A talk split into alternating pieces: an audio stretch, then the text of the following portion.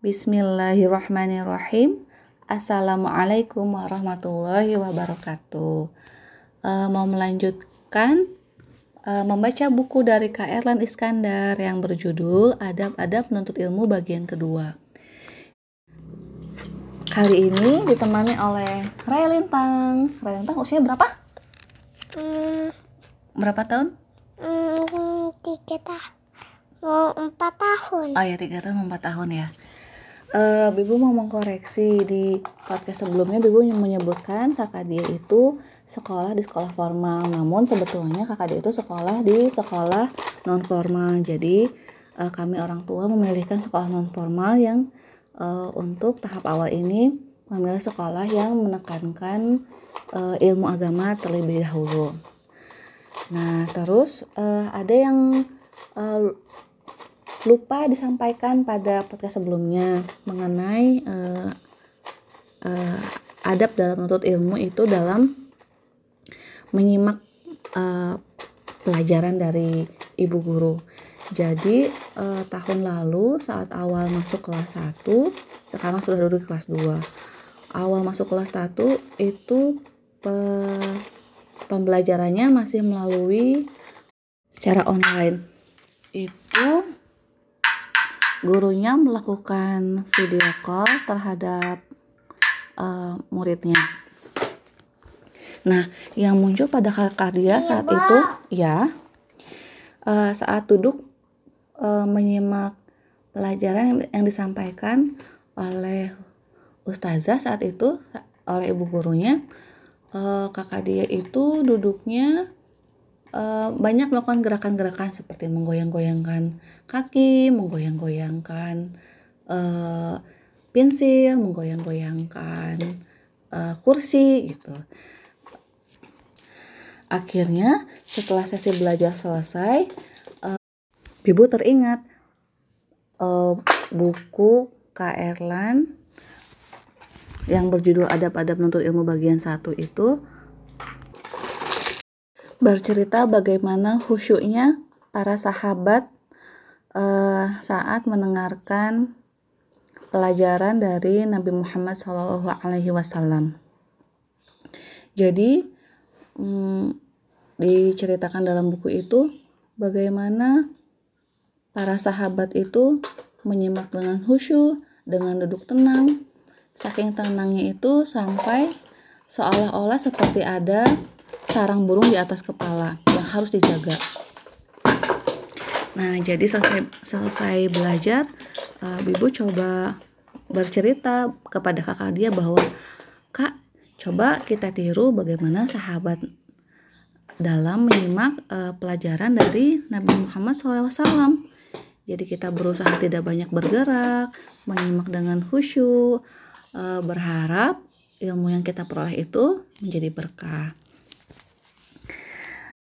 Nah, di buku yang kali ini akan kita bahas itu ada pada penuntut ilmu bagian yang kedua. E, buku ini ada empat seri, jadi setelah buku buku ada pada penuntut ilmu bagian kedua, ini masih ada bagian yang ketiga dan keempat. Di sini dituliskan bab ketiga dalam e, ada pada menuntut ilmu itu ada dalam memahami ilmu disebutkan oleh Kak Erlan bahwa kemudahan dalam memahami ilmu merupakan karunia dan pemberian dari Allah Subhanahu wa taala. Oleh karena itu, kita harus banyak berdoa dan bersungguh-sungguh dalam mempelajari ilmu agama.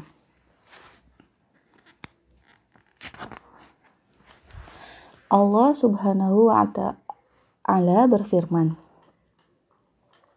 "Walladzina jahadu fina lanahdiyannahum subulana dan orang-orang yang bersungguh-sungguh untuk mencari keriduan kami benar-benar akan kami tunjukkan kepada mereka jalan-jalan kami. Quran Surat Al-Ankabut ayat ke-69 Salah satu bentuk kesungguhan dalam belajar ilmu agama adalah menghadiri majelis ilmu sebelum waktu pengajian dimulai. Dengan hadir lebih awal, kita jadi lebih tenang dan bisa mendapat tempat duduk yang paling depan sehingga bisa berkonsentrasi lebih maksimal. Ada seorang ulama yang sangat semangat dan bersungguh-sungguh dalam belajar ilmu agama bernama Ja'far bin Darastawai. Karena khawat, karena khawatir datang terlambat dan tidak dapat tempat di majelis gurunya yang bernama Ali Al-Madini, Ja'far bin Darastawai sudah hadir dan mengambil tempat duduk sejak sehari sebelum majelis ilmu itu dimulai. Copot. Apa yang copot? Untuk saat ini di kelas 2 eh, Bibu dan kakak dia ingin berusaha menerapkan adab ini yaitu datang ke sekolah sebelum uh, ustadz dan ustazah datang, sebelum bapak dan ibu guru datang. Namun dalam pelaksanaannya ini masih masih butuh perjuangan karena masih belum istiqomah, masih mm, belum konsisten uh, untuk datang lebih awal sebelum ustadz dan ustazah datang hadir. Jadi uh, terkadang kakak dia bisa berangkat lebih awal atau juga seringnya mengikuti jadwal uh, orang tua berangkat kerja. Yang berikutnya di dalam memahami ilmu adalah KRL menyampaikan bahwa jangan lupa untuk mencatat ilmu dan pelajaran yang kita dapat. Nabi Shallallahu Alaihi Wasallam bersabda, "Qayyadul ilma bil kitab." Ikatlah ilmu dengan mencatat. Uh, jadi uh, Bibu juga baru mengetahui bahwa ternyata eh, anak-anak uh, kecil yang suka menyimak kajian di baik melalui Zoom atau secara offline itu banyak sekali anak-anak atau kakak kakak-kakak yang sambil mencatat uh, saat mendengarkan kajian dari Ustadz seperti misalkan pengisi kajian ke anak-anak itu ada Kak Erlan, Kak Yogi, Kak Kak Agung Tio gitu. Nah, e, di sini Kak Erlan juga e, menyebutkan bahwa dahulu para ulama sangat semangat menulis dan mencatat. Bahkan sebagian mereka yang tidak memiliki kertas menulis dan mencatat di papan kayu, kulit binatang yang dikeringkan, tulang hewan yang berbentuk lebar, lempengan batu yang pipih, dan juga daun yang bisa ditulis di atasnya. Tulang kita kan? Oh iya, kita juga punya tulang ya, Dek. Nah, uh, faedah dari mencatat ini memang karena manusia itu adalah tempat yang lupa. Jadi sehingga kita mencatat, saat kita mencatat, kita masih bisa mengulang kembali uh, pelajaran, bisa memurojaah kembali, bisa mengingat kali, kembali apa yang kita tuliskan.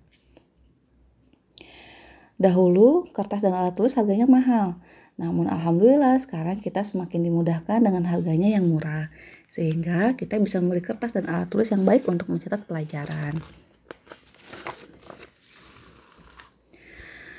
Berbagai kemudahan yang kita rasakan di zaman sekarang eh, semoga membuat kita jadi semangat mencatat pelajaran dan semangat belajar mengulang kembali pelajaran atau disebut juga murojaah dari catatan yang kita tuliskan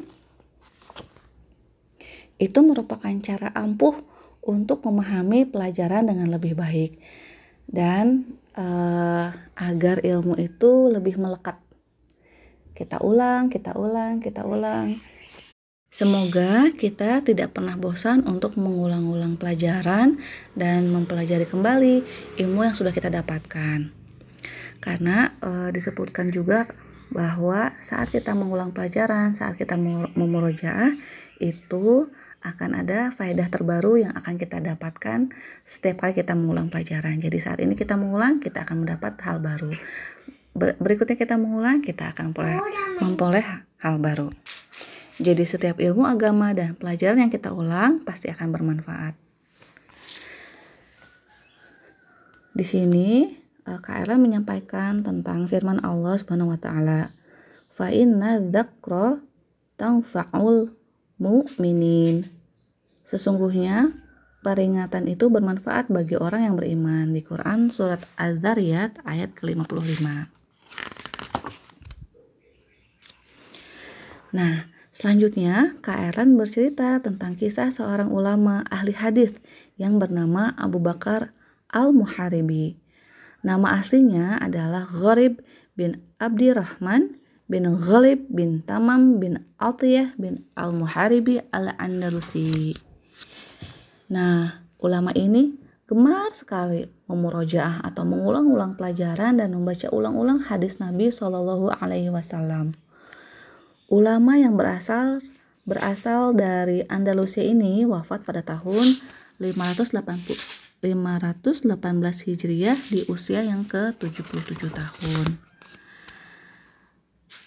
Nah, kita sudah tahu mengenai hadis Sahih Bukhari. Di dalam kitab tersebut ada kurang lebih 4000 hadis. Terdapat hadis-hadis yang diulang-ulang pada bab berbeda sehingga totalnya menjadi 7275 hadis.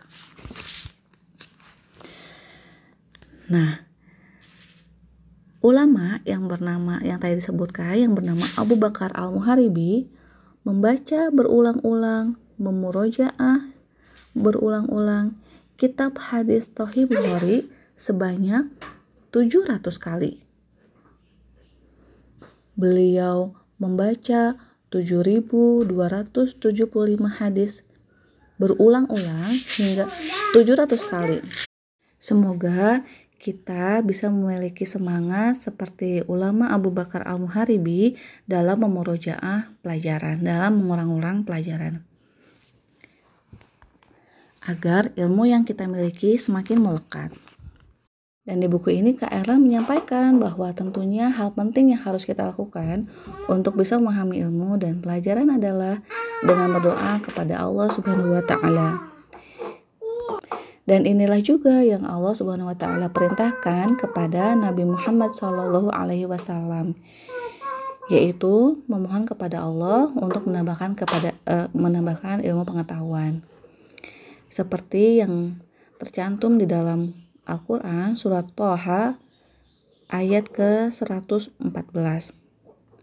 Allah Subhanahu wa taala berfirman, "Wa rabbi zidni ilman." Yang artinya, Ya Allah, ya Robku, tambahkanlah kepadaku ilmu pengetahuan.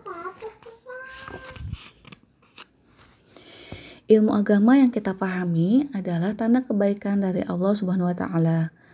Rasulullah Shallallahu alaihi wasallam bersabda, "May yuridillahu bihi khairan wa yufaqqahu fid din." Siapa saja yang Allah kehendaki mendapatkan kebaikan yang besar, niscaya Allah akan jadikan ia paham agama. Semoga kita menjadi bagian yang Allah Ta'ala berikan kebaikan kepada kita. Baik, demikian pembahasan dari buku Kak Erlan ada pada penuntut ilmu bagian kedua. Insya Allah selanjutnya akan membacakan buku adab pada penuntut ilmu bagian yang ketiga. Semoga kita bisa menerapkan ilmu adab-adab di dalam menuntut ilmu. Uh, insya Allah tidak ada kata terlambat, baik untuk anak-anak ataupun yang udah uh, orang tua seperti ibu. Assalamualaikum warahmatullahi wabarakatuh.